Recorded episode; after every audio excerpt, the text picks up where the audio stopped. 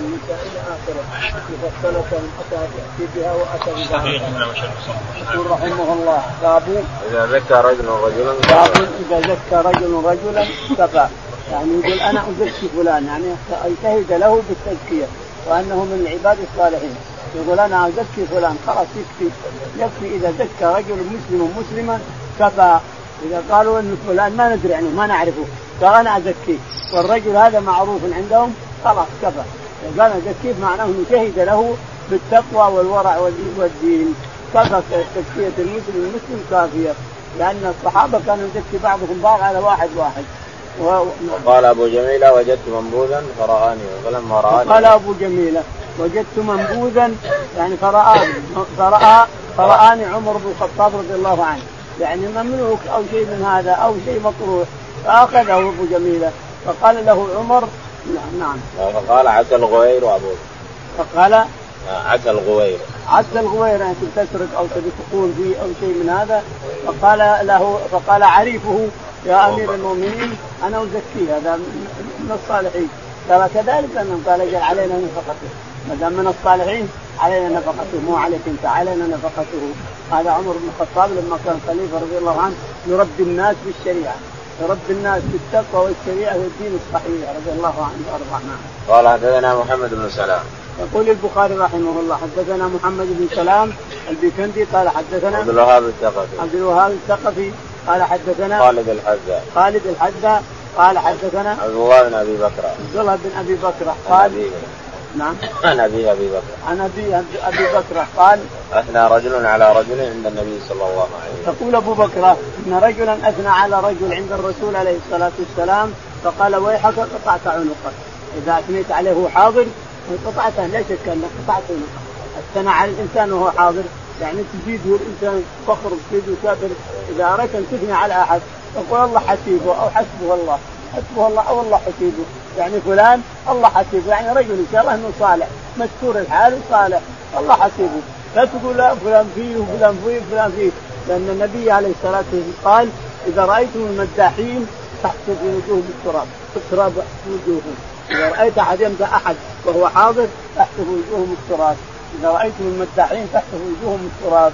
ما يجوز تمدح أحد وهو حاضر لأنك تلقى عنه تهلكه الإنسان. إنما تقول حسيب الله حسيبه الله حسبه أو حسبه الله نعم. قال من كان منكم مادحا أخاه لا محالة فليقول أحسن فلانا والله من كان منكم مادحا لا محالة ولا لا تمدح احد لكن من كان مادحا فليقل الله حسيبه أو احسبه كذا. باب ما يكره من الاطناب في المدي وليقول ما يعلم. قال رحمه الله حدثنا محمد بن الصباح قال حدثنا إسماعيل بن زكريا قال حدثنا بريد بن عبد الله نبي بردة عن أبي موسى رضي الله عنه قال سمع النبي صلى الله عليه وسلم رجلا يثني على رجل ويطريه في مديه فقال أهلكتم أو قطعتم ظهر الرجل. يقول البخاري رحمه الله باب ما يكره من الإطناب. ما يكره من الإطناب يعني التكرار.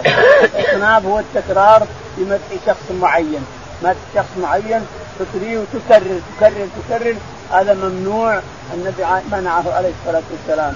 يقول البخاري حدثنا محمد بن الصباح. محمد بن الصباح.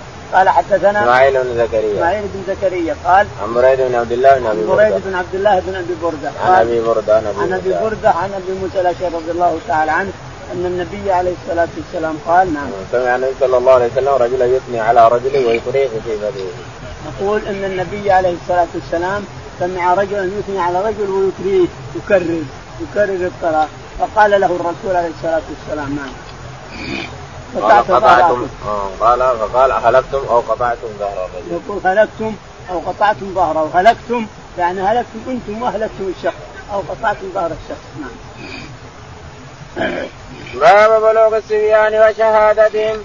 وقول الله تعالى وإذا بلغ الأطفال منكم الحلم فليستاذنوا وقال مغيره احتلمت وأنا وأنا ابن ثنتي عشر سنة وبلوغ النساء في الحيض لقوله عز وجل واللائي يئسن من المحيض إلى قوله أن يضعن حملهن. وقال الحسن بن صالح أدركت جارة لنا جدة بنت 21 سنة.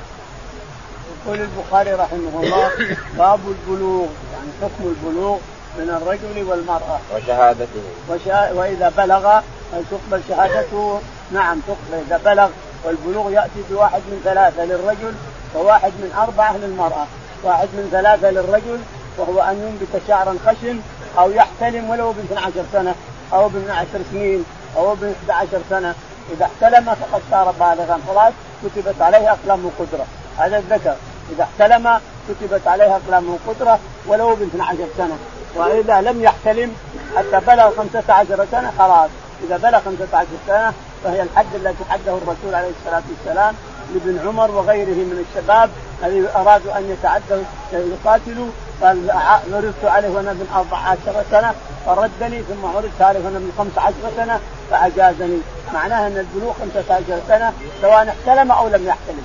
إذا بلغ 15 سنة سقط حجه كان في عرفات يسقط حجه لأنه بلغ 15 سنة.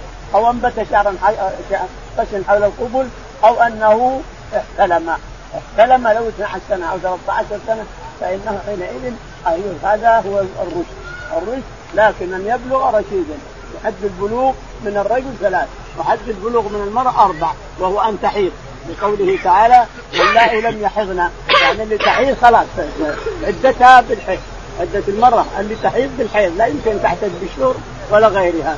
أما الآيسة والصغيرة فعدتهن ثلاث أشهر والحامل عدتها وضع الحمل. ولو الرجل على جنازته وضعت اعتدت خلاص. الشاهد أن العدد أخبر بها الله تعالى وتقدس ثم فصلت في السنة. العدد كلها عدة النساء فصلت في السنة وبعضها في القرآن نزل وبعضها لم ياتنا له حكم على نفس شيء لكنه ورد عن النبي عليه الصلاة والسلام. نعم. ولقوله تعالى وإذا بلغ الأطفال منكم الحلم فليستأذنوا. لقوله تعالى وإذا بلغ الأطفال منكم الحلم يعني هم احتلم أو أنبت أو بلغ خمسه فليستأذنوا كما استأذن الذين من قبلهم نعم. وقال مغيرة بن مقسم احتلمت وأنا ابن 12 سنه. وقال المغيرة ابن مقسم ابن مقسم استلمت. وأنا ابن 12 سنة. وأنا ب... وأنا ابن 12 سنة. لا شك يحتلم الرجل. أحيانا يحتلم حرارة الجسم. إذا كان الجسم حار والجو حار يحتلم ب 12 سنة. أما البروده إذا كان في جو بارد والجسد بارد لا يحتمل إلا بعد 15 وبلوغ النساء بالحيض لقوله عز وجل واللائي يئسن وبلوغ النساء بالحيض لقوله تعالى واللائي يئسن من المحيض. يعني لابد من ثلاث حيض. ما نقول ثلاث شهور حتى تنقطع من الحيض.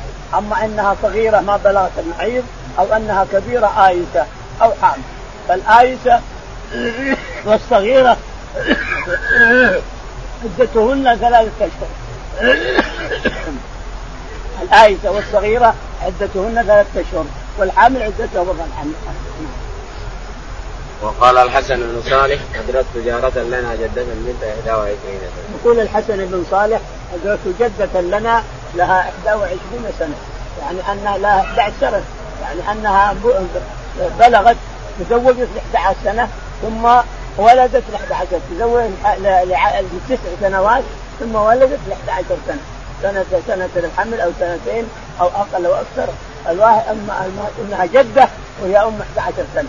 يعني أنها تزوجت ثم ولدت ثم ولدت حتى صارت جدا عبد الله بن عمرو بن العاص هو اكبر أبوه أكبر من ب 11 سنة بس عمرو بن العاص رضي الله عنه أكبر من ولده عبد الله بن عمرو ب 11 سنة. يعني انه تزوجت ثم ولد عبد الله على طول وهو أكبر منه ب 11 سنة. أبوه أكبر منه ب 11 سنة نعم. قال رحمه الله حدثنا عبيد الله بن سعيد. قال حدثنا أبو اسامه قال حدثني عبيد الله.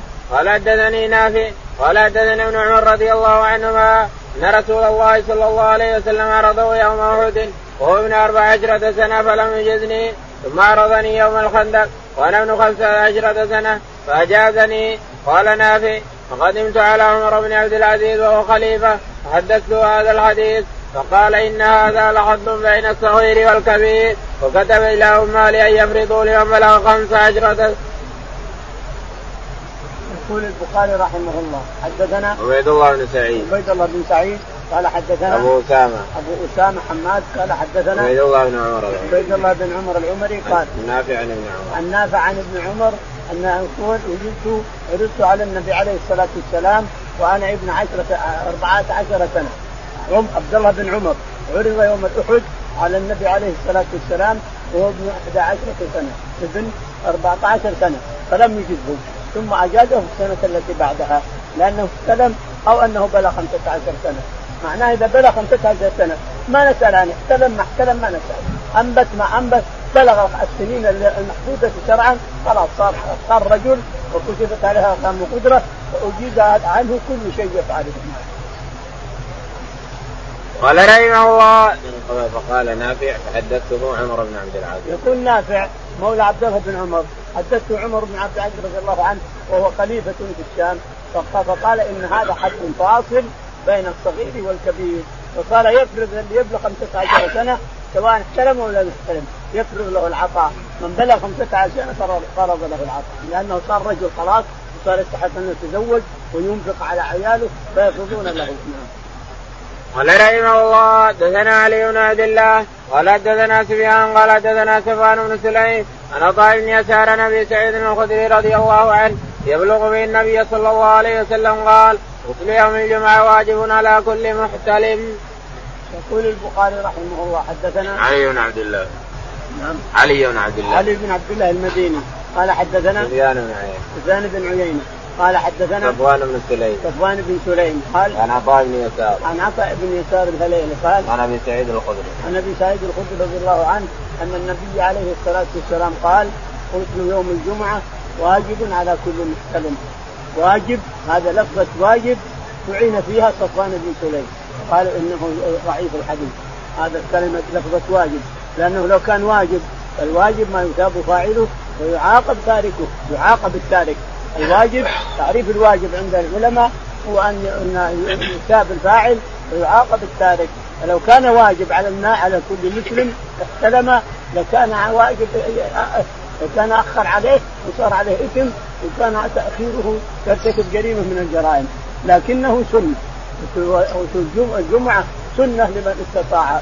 لمن استطاع. لأن عمر رضي الله تعالى عنه أتاه عثمان بن عفان ودخل متاخرا. قال أي ساعة هذه يا عثمان؟ قال والله ما هي ما هو إلا أني سمعت المؤذن الأخير يعني إنك طلعت على المنبر فتوضيت وأتيت.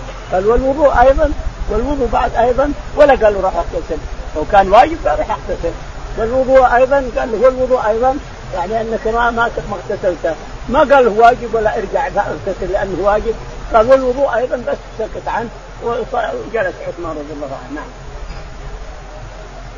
باب سؤال الحاكم المدعية هل لك بينة قبل اليمين؟ قال رحمه الله حدثنا محمد قال حدثنا أبو معاوية عن الأعمش عن شقيق عن عبد الله رضي الله عنه قال قال رسول الله صلى الله عليه وسلم من حلف على يمينه وهو فيها فاجر ليقتطع بها مال امرئ مسلم لقي الله وهو عليه غضبان قال فقال الاشعث بن قيس رضي الله عنه هي والله كان ذلك كان بيني وبين رجل من اليهود أرض فجحدني فقدمته إلى النبي صلى الله عليه وسلم فقال لي رسول الله صلى الله عليه وسلم لك بينة؟ قال قلت لا. قال فقال لليهودي احلب قال قلت يا رسول الله إذا يحلب ويذهب بمالي. قال فأنزل الله عز وجل إن الذين يشترون بعهد الله وأيمانهم ثمنا قليلا إلى آخر الآية.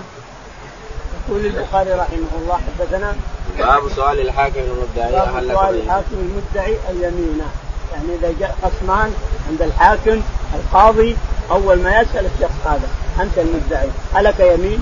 ألك لك ألك بينة؟ أنت يا فلان تدعي؟ نعم ألك بينة على ما ادعيته؟ يقول لا ما لي بينة يعني ولا يقول للرجل ما يقول هذا يقول إذا لك يمينه يقول القاضي للمدعي ما دام ما عندك بينة لك يمينه فحلفه لك ولا ما يحلفه؟ لو حلفه القاضي ما صح. لو قال القاضي للخصم احلف وهذا ما رضي ما صح. ألك لك ألك يمينه هذه يمينه لك. حلفه لك يقال لا تحلفه ما ولا يجوز حلفه. هذا قاضي. أول ما يطلب اليمين. لأن علي رضي الله عنه تخاصم هو يهودي عند شريح القاضي. وشريح هو قاضي لعلي. علي هو الخليفة للمسلمين وهو أمير الكوفة خليفه المسلمين بالكوفة فتخاصم ووقع درع ويتحارب مع الخوارج. درع له وقعت فأخذها اليهودي ودسها. وقعت من فرس أو من جمل فأخذ يهودي ودسها. لما انتهت الحرب مع الخوارج مع حارب الخوارج مدة طويلة. فلما انتهت الحرب مع الخوارج وجد الدرع وجد الدرع مع اليهودي رآه الحسن بن علي. فقال له هذا درعي. قال لا هو درعك. قال نتحاكم وياك. قال اليهودي؟ قال اليهودي. أنا وياك عند القاضي. يقول علي الخليفة. أنا وياك عند القاضي. طيب. راح للقاضي علي رضي الله عنه. جلس عن يمين القاضي وقال لو كان هذا الشخص مسلم ما جلست هنا. كان جلست قدامه. كان جلست قدامك لكنه كافر ما يمكن اجلس معاه هو كافر. فجلس عن يمين القاضي. ثم قال قال شريح يا شريح هذا درعي. الرجل هذا وجدت درعي معه فقدته يوم صفين فقدته يوم قتال معاوية أو يوم الخوارج. فقال له ألك بينة يا أمير المؤمنين؟ قال لا ما لي بينة. قال ما لك بينة؟ قال درعي فأسلم اليهودي سبحان الله العظيم. خليفه المسلمين وأنت قاضيه وموظف له ومع هذا تطلب منه البينة؟ قال نعم هذه الشريعة هذه شريعة محمد عليه الصلاة والسلام. أنت تحلف وما يبي يمينك لأنك يهودي قد لا يقبل اليمين. لكن طلب البينة. قال ما لا لك بينها مني قال لا ما لي بينة. قال لك يمين. اليمين ما يمكن أخذ من يهودي. اذا فأسلم اليهودي وقال والله الدرع درع علي بن أبي طالب. ما هو درع يعني. الدرع وجدته في عام صفين فاخذته ووجد معهم. فدفعه إلى علي رضي الله عنه. نعم. فقال الاشعث بن قيس في والله كان ذلك كان بيني وبين رجل. قال اذا يحلف. فقال الاشعث بن قيس إني والله نزلت هذه الآية لأني خصمت أنا ويهودي في أرض. فقال لي الرسول عليه الصلاة والسلام ألك بينة؟ قلت لا يا رسول الله. قال لك يمين. قال يحلف يهودي. فأنزل الله إن الذين يشترون بعهد الله وإيمانهم ثمنا قليلا أولئك لا خلاق لهم في الآخرة ولا يكلمهم الله ولهم عذاب أليم إلى اخره الشاهد أنها ما حلف اليهودي ولا هذا وإن الأرض صارت للاشحاث نعم. باب اليمين على المدعى عليه في الأموال والحدود. وقال النبي صلى الله عليه وسلم شاهداك أو يمينه وقال قتيبة حدثنا سفيان بن شبرمة كلمني أبو الزناد في شهادة الشاهد ويمين المدعي. فقلت قال الله تعالى واستشهدوا شهيدين من رجالكم فإن لم يكونا رجلين فرجل وامرأتان ممن ترضون من الشهداء ممن ترضون من الشهداء أن تضل إحداهما وتذكر إحداهما الأخرى قلت إذا كان يكتفى بشهادة شاهد ويمين المدعي وما تحتاج أن تذكر إحداهما الأخرى ما كان يصنع بذكر هذه الأخرى. يقول البخاري رحمه الله باب باب اليمين على المدعى. اليمين على المدعى في جميع المنازعات، اليمين على المدعى عليه في جميع المنازعات، أنت عليك البينة المدعي المدعى عليه عليه اليمين في جميع المنازعات، فإذا لم يجد بينة فإننا نحلف الرجل إذا طلب المدعي إذا طلب اليمين، نعم. وقال النبي صلى الله عليه وسلم شاهداك أو يمين. وقال عليه الصلاة والسلام شاهداك أو يمينه. قال الأسعد بن سعد بن قيس ثم تجيب بينة شاهداك قال ما عندي. قال أجل يمينه. يمينه يهودي ما ما اقبل يمينه نعم. قال قال قتيبة حدثنا سفيان. وقال قتيبة يعني علق الحديث عن قتيبة بن سعيد الثقفي شيخه لكن أحيانا البخاري يعلق لنكتة سرية. يقول وقال قتيبة حدثنا سفيان. سفيان قال حدثنا ابن شبرمة. ابن شبرمة عبد الله قال حدثنا قال كلمني أبو الزناد في شهادة الشاهد. قال كلمني أبو الزناد الأعرج في شهادة الشاهد. ويمين المدعي. وعن يمين المدعي كلمني في شهادة الشاهد ويمين المدعي يعني أن شهادة الشاهد عن ويمين. يعني إذا ما وجد الرجل ما وجد رجلين ولا وجد رجل وامرأتان ما وجد. لكن وجد رجل وجد يمين. وجد رجل فإنه يحلف مع اليمين مع البينه الشاهد الواحد لك أن تحلفه مع اليمين الواحد. فإن لم يستطع فلم يحلف عيل يحلف نرد اليمين على المدعى عليه. وإن حلف خلاص. إن حلف حكم له. وإلا ترد اليمين على المدعى عليه. لأنه ما وجد إلا شاهد واحد نعم. وقلت قال الله تعالى واستشهدوا شهيدين من رجالكم فإن لم يكونا رجلين فرجل ومعنا. فقلت له قال الله تعالى واستشهدوا شهيدين من رجالكم فإن لم يكونا رجلين فرجل وامرأتان من ترضون من الشهداء أن تضل إحداهما وتذكر إحداهما الأخرى. فقال قلت إذا كان يكتفى بشهادة شاهد ويمين المدعي فما تحتاج أن تذكر إحداهما. يقول إذا كان ما نحتاج. إذا في كان فيه مثلا شاهد واحد ويمين المدعي. يجيب شاهد ويحلف مع الشاهد. ليش تجي النساء؟ ليش يجيب النساء؟ قال هذا كلام الله تعالى وتقدس والنساء أحسن من يمين الرجل. أنت جبت واحد شاهد وتريد ان تحلف لا. الحريم الثنتين أحسن من يمينك أحسن من يمينك واقوى اقوى نعم. أقوى في الدعوة. نعم. قال رحمه الله دثنا أبو نعيم قال دثنا نافع بن عمر بن أبي مليكة قال كتبنا عباس رضي الله عنهما أن النبي صلى الله عليه وسلم قضى باليمين على المدعى عليه. يقول البخاري رحمه الله حدثنا أبو نعيم. أبو نعيم من فضل. قال حدثنا نافع بن عمر. نافع بن عمر بن أبي مليكة بن عمر بن أبي مليكة. قال حدثنا ابن أبي مليكة. ابن أبي مليكة. قال قال كتب ابن عباس رضي الله عنهما أن النبي صلى الله عليه وسلم قضى باليمين على المدعى عليه. يقول إن ابن عباس رضي الله عنه كتب لشخص فعله أن قال إن الرسول عليه الصلاة والسلام حكم باليمين على المدعى عليه نعم. باب قال رحمه الله دثنا عثمان بن أبي شيبة قال دثنا جرير بن منصور عن أبي وائل قال قال عبد الله رضي الله عنه من حلف على يمين يستحق بها مالا لقي الله وهو عليه غضبان ثم أنزل الله تصديق ذلك إن الذين يشترون بعهد الله أيمانهم إلى قوله عذاب أليم ثم إن الاشعث بن قيس خرج إلينا فقال ما يحدثكم أبو عبد الرحمن؟ فحدثناه بما قال. قال صدق. لفي انزلت لفي أنزلت. كان بيني وبين رجل خصومة في شيء فاختصرنا إلى رسول الله صلى الله عليه وسلم. فقال شاهداك أو يمينه؟ فقلت له إنه إذا يحلف ولا يبالي. فقال النبي صلى الله عليه وسلم من حلف على يمين يستحق بها مالا وهو فيها فاجر. لقي الله وهو عليه غضبان. وأنزل الله تصديق ذلك. ثم قرأ هذه الآية.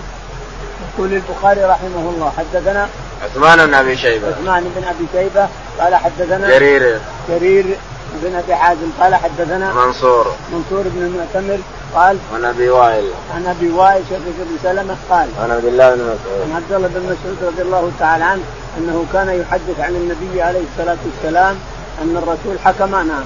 قال من حلف على يمين يستحق بها مالا لقي الله وهو عليه غضبان. قال من حلف على يمين يستحق بها مالا لقي الله وهو عليه غضبان. هكذا يحدث عبد الله بن مسعود على اصحابه النخاع, وغيرهم وخرج عليهم الأشعث بن قيس فقال ما يحدثكم أبو عبد الرحمن؟ يعني عبد الله بن مسعود فأخبروه وقال صدق صدق في نزلت هذه الآية. تنازعت في أرض كما سبق أول في أرض أنا ويهودي فطلب مني النبي عليه الصلاة والسلام بينة فقلت ليس لي بينة. فقال لك يمينه. فقلت يهودي يحلف ياخذ حقي فأنزل الله هذه الآية. نعم. فقال الرسول عليه الصلاة والسلام من حلف على يمين فيها فاجر لقي الله عليه غضبان ونزل تصديق ذلك قوله. إن الذين يشترون بعهد الله وأيمانهم ثمنا قليلا لا خلاق لهم في الآخرة إلى آخره. لا يكلمهم الله ولا ينظر إليهم ولهم عذاب أو قال لا خلاق لهم في الآخرة. فاتفق الكتاب والسنة. اتفق القرآن واتفق حديث الرسول عليه الصلاة والسلام على أنه فاجر وأنه في جهنم الذي يقتطع مال امرئ مسلم. يعني يقتطعه عامل عالم أنه ما هو له وإنما هو لهذا. هذا يعني نقي الله وهو عليه غضبان. باب إذا ادعاه كذب فله أن يلتمس البينة وينطلق لطلب البينة. قال رحمه الله دثنا محمد بن بشار قال دثنا ابن أبي عدي عن هشام حدثنا عكرمان بن عباس رضي الله عنهما هلال بن أمية رضي الله عنه قدم امرأته عند النبي صلى الله عليه وسلم من شريك بن صهماء فقال النبي صلى الله عليه وسلم البينة وحد في ذلك فقال يا رسول الله إذا رأى أحدنا على امرأته رجلا ينطلق يلتمس البينة فجعل يقول البينة وإلا حد في ذلك فذكر حديث اللعان. يقول البخاري رحمه الله حدثنا؟ باب إذا ادعى أو قذف فله أن يلتمس البينة. باب إذا ادعى شيئا فله أو قذف فله أن يلتمس البينة. إذا ادعى شيئا.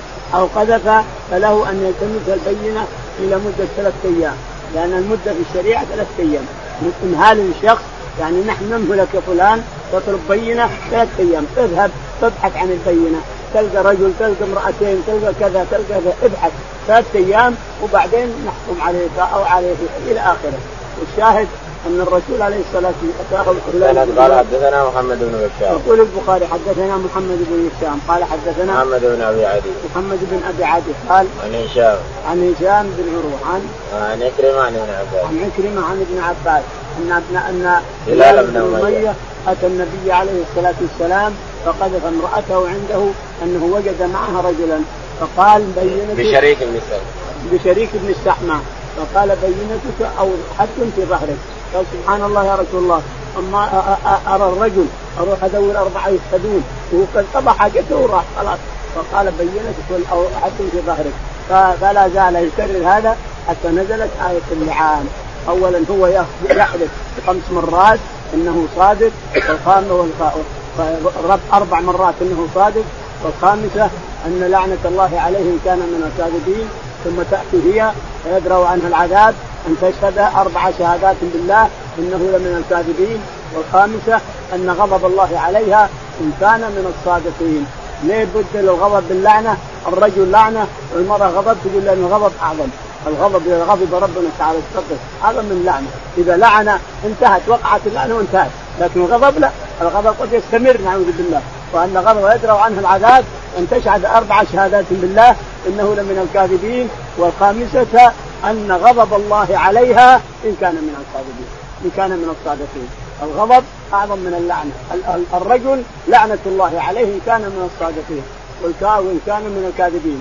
والمرأة غضب الله عليها إن كان من الصادقين إلى آخره. الشاهد أن الغضب أعظم من اللعنة. الغضب يستمر نعوذ بالله واللعنة ما تستمر. تقع وخلاص نعم.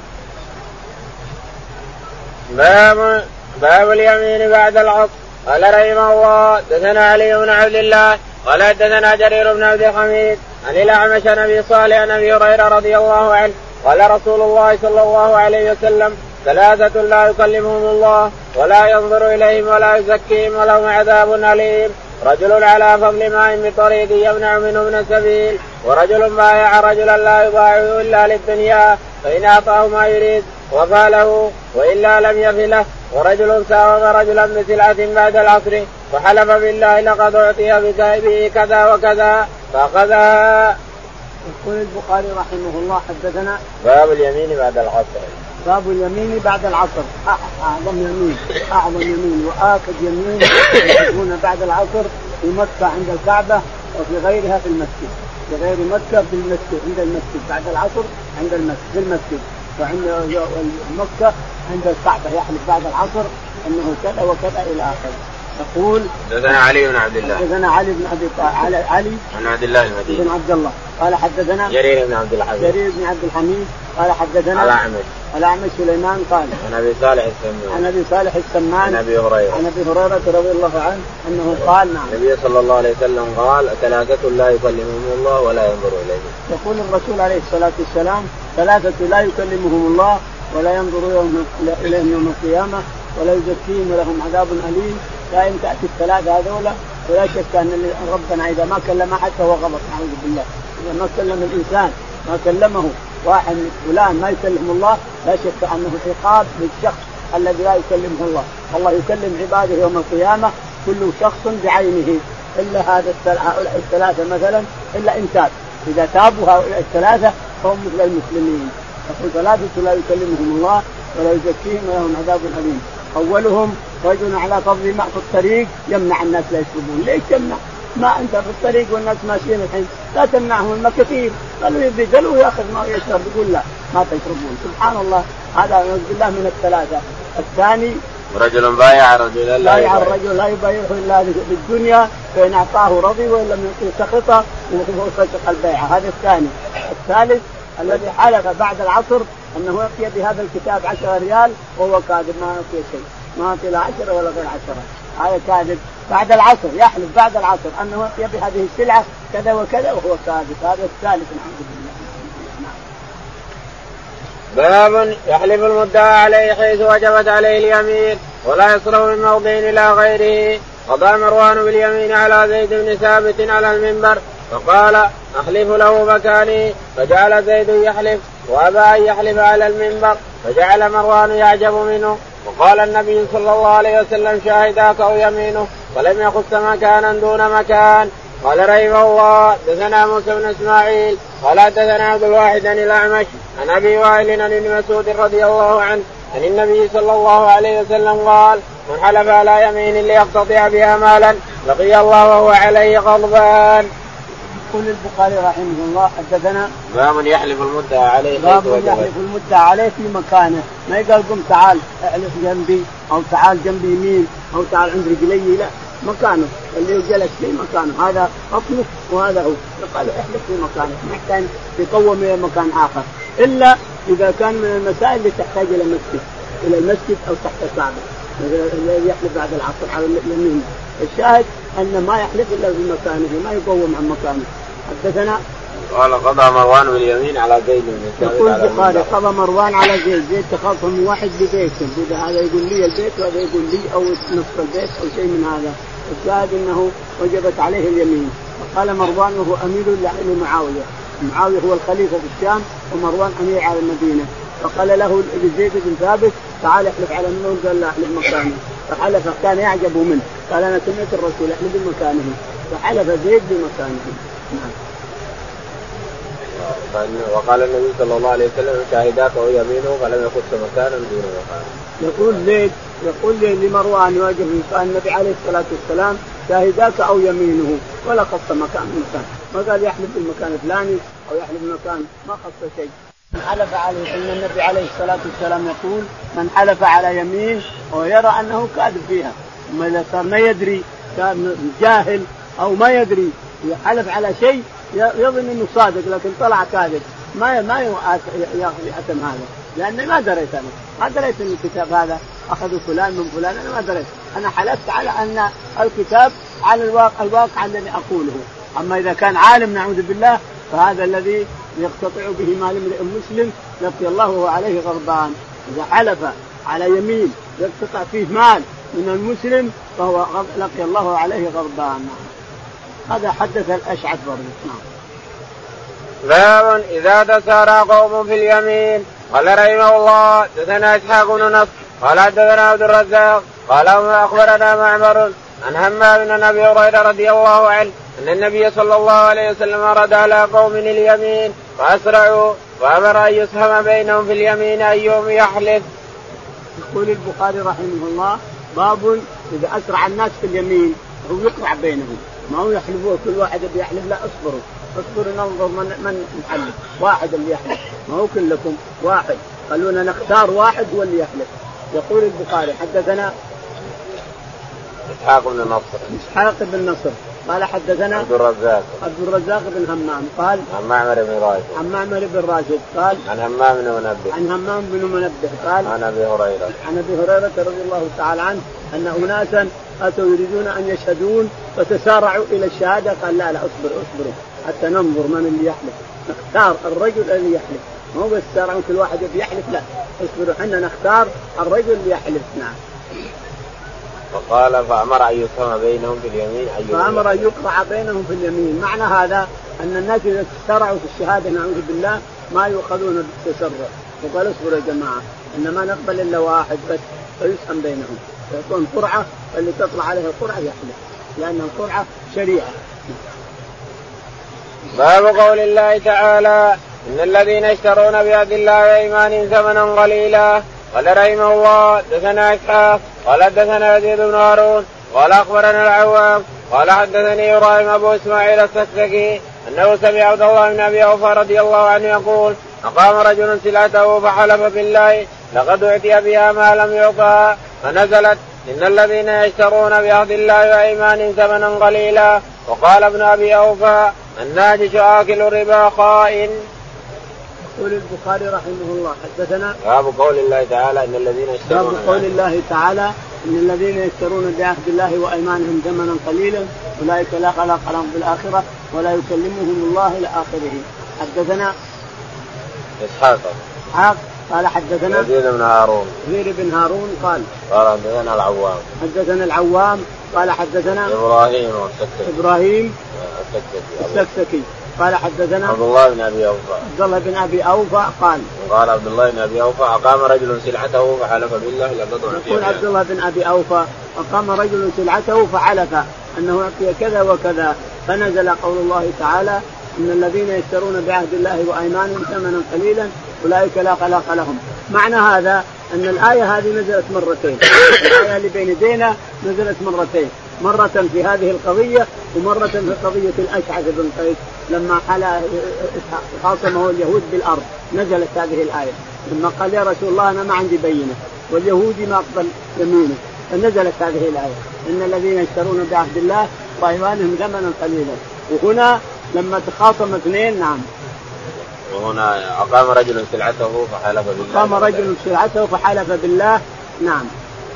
فقال لقد أعطي بها كذا وكذا. حلف بالله إنه لقد أعطي بها كذا وكذا. فنزل قول الله تعالى إن الذين يشترون يعني وهو كاذب. حلف بالله وهو كاذب ما أعطي شيء. يقول أعطي كذا وكذا وهو كاذب بيأخذ أموال الناس. لأنه يقول فقال الله فأنزل الله هذه الآية. معنى هذا أن الآية نزلت مرتين. وأن كثير من القرآن من آيات القرآن ينزل مرتين. منها ما كان النبي والذين آمنوا يستغفرون المشركين نزلت مرتين.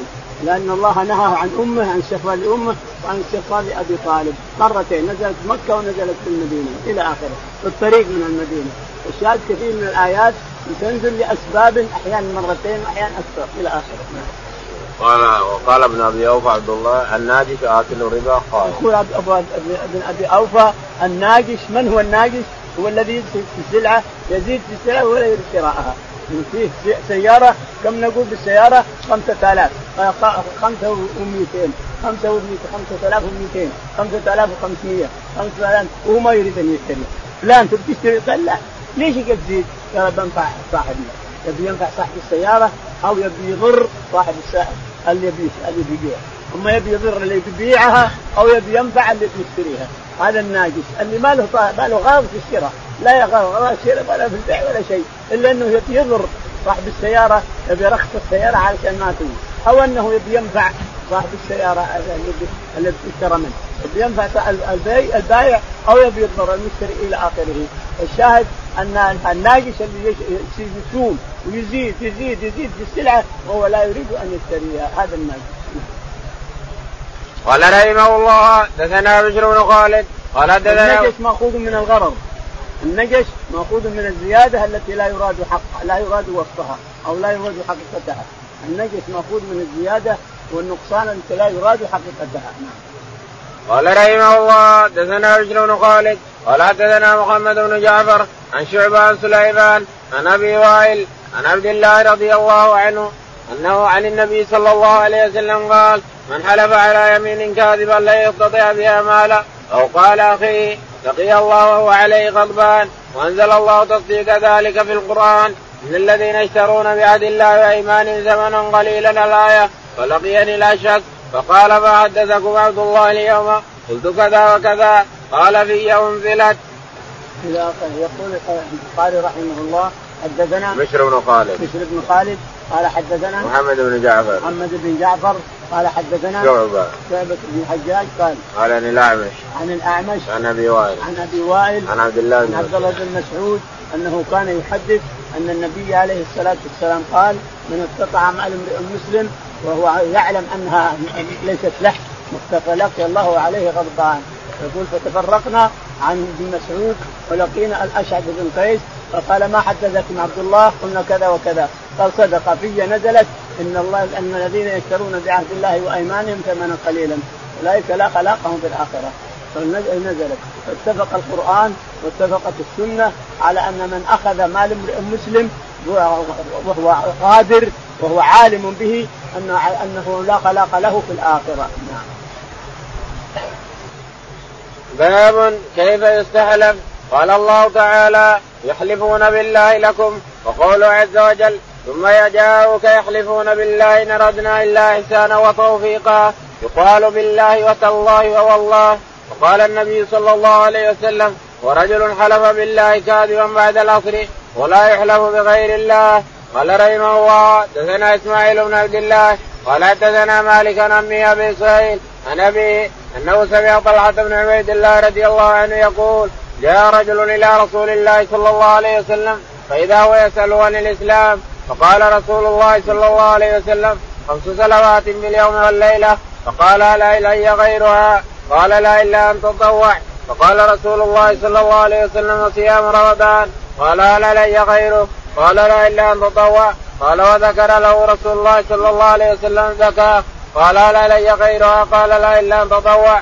فأدبر الرجل ويقول والله لا أزيد على هذا ولا أنقص. قال رسول الله صلى الله عليه وسلم أبلغ إن صدق. يقول البخاري رحمه الله باب كيف يستحلف؟ باب كيف يستحلف الإنسان؟ يستحلف كيف؟ يقول والله حسن رضي الله تعالى عنه تخاصمه رجل فقال له احلف. فقال والله الذي لا إله إلا هو. قال لا لا لا اصبر اصبر. قل والله بس. قل والله يكفيني بس. لا تقول له قال قال والله ما وصل العتبة إلا انتنت رجله وطاح على رأسه وراح إلى الآخرة. قال كيف يا بنت رسول الله؟ كيف كذا؟ قال لأنه لو قال والله الذي لا إله أثنى على الله يحلم ربنا تعالى وتقدس. إذا أثنيت عليه وأنت عاصي قد يمهلك ويحلم يحلم تعالى وتقدس. لكن ما به يحلم. به يحلف بس يمينه بس فقط. والله ما فعلت كذا وكذا. فتعاقبه الله في الحال تعالى قبل أن يطلع من العتبة. هذا فقه. فقه الشريعة رضي الله عليه رضي الله عنه وأرضاه الحسن بن علي رضي الله عنه. الشاهد إنه كيف يستحلف؟ يقول والله إن شئت ان يقول والله الذي لا إله كيفك؟ إن شئت ان يقول والله وبس يكفي المهم الحلف بالله أما بغير الله ما يحلف اطلاقا. بعض الناس يعمل بالله في غير بلادنا إذا حلفت بالله يقول ما أحلف. يحلف بالله إذا حلفته بالله يحلف لكن بالبدوي بالرفاعي ما يحلف يقول يشور بي السيد هذا يشور بي أو رئيس الصوفيه يشور بي. ما أحلف. أحلف بالله ولا أحلف. نعوذ بالله. نعوذ بالله. يعني الشرك يحلف. يركض ركب يحلف. والله ما الله يركض ركب والسيد أو الصوفي أو شيء ما يحلف. لكن ربنا يحلف ما يخالف.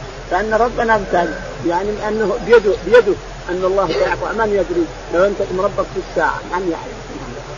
قال تعالى يحلفون بالله لكم قال قال تعالى يحلفون بالله لكم يعني المنافقين. يأتون الرسول يحلفون بالله له. كذلك لما بنوا المسجد الضرار يحلفون إن أردنا إلا الحسنى. والله يعلم إنهم لكاذبون. كاذبون. المنافقون بنوا مسجد ضرار يضروا الصحابة يفرقوا بين الصحابة رضي الله عنهم. فأمر الله رسوله أن يهدمهم. اهدم وهدموا عليه الصلاة والسلام. أرسل الصحابة فهدموه. قال مسجد أسس على التقوى من أول يوم أحق أن تقوم فيه. فيه رجال يحبون أن يتطهروا والله يحب المطهرين. فقال لأهل قبى إن الله أثنى عليكم بالتطهر وبالطهارة. ما الذي تفعلون؟ قالوا نتبع الحجارة الماء.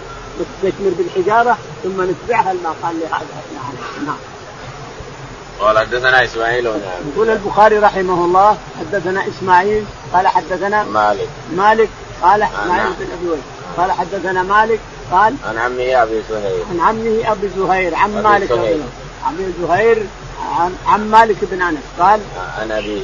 عن أبيه أبي عمه. قال عن طلحة بن عبيد اسمه مالك برضه مالك الأصبحي. سمي المالك هذا مالك الأصبحي وهذا مالك الأصبحي. هذا عم أبو عم أنس.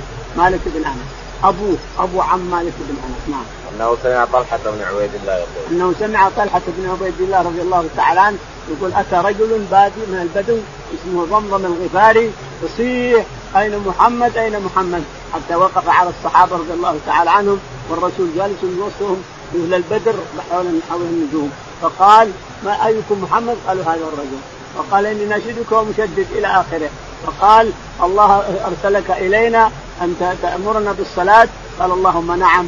قال خمس صلوات. قال ما الذي فرض؟ قال خمس صلوات في اليوم والليلة.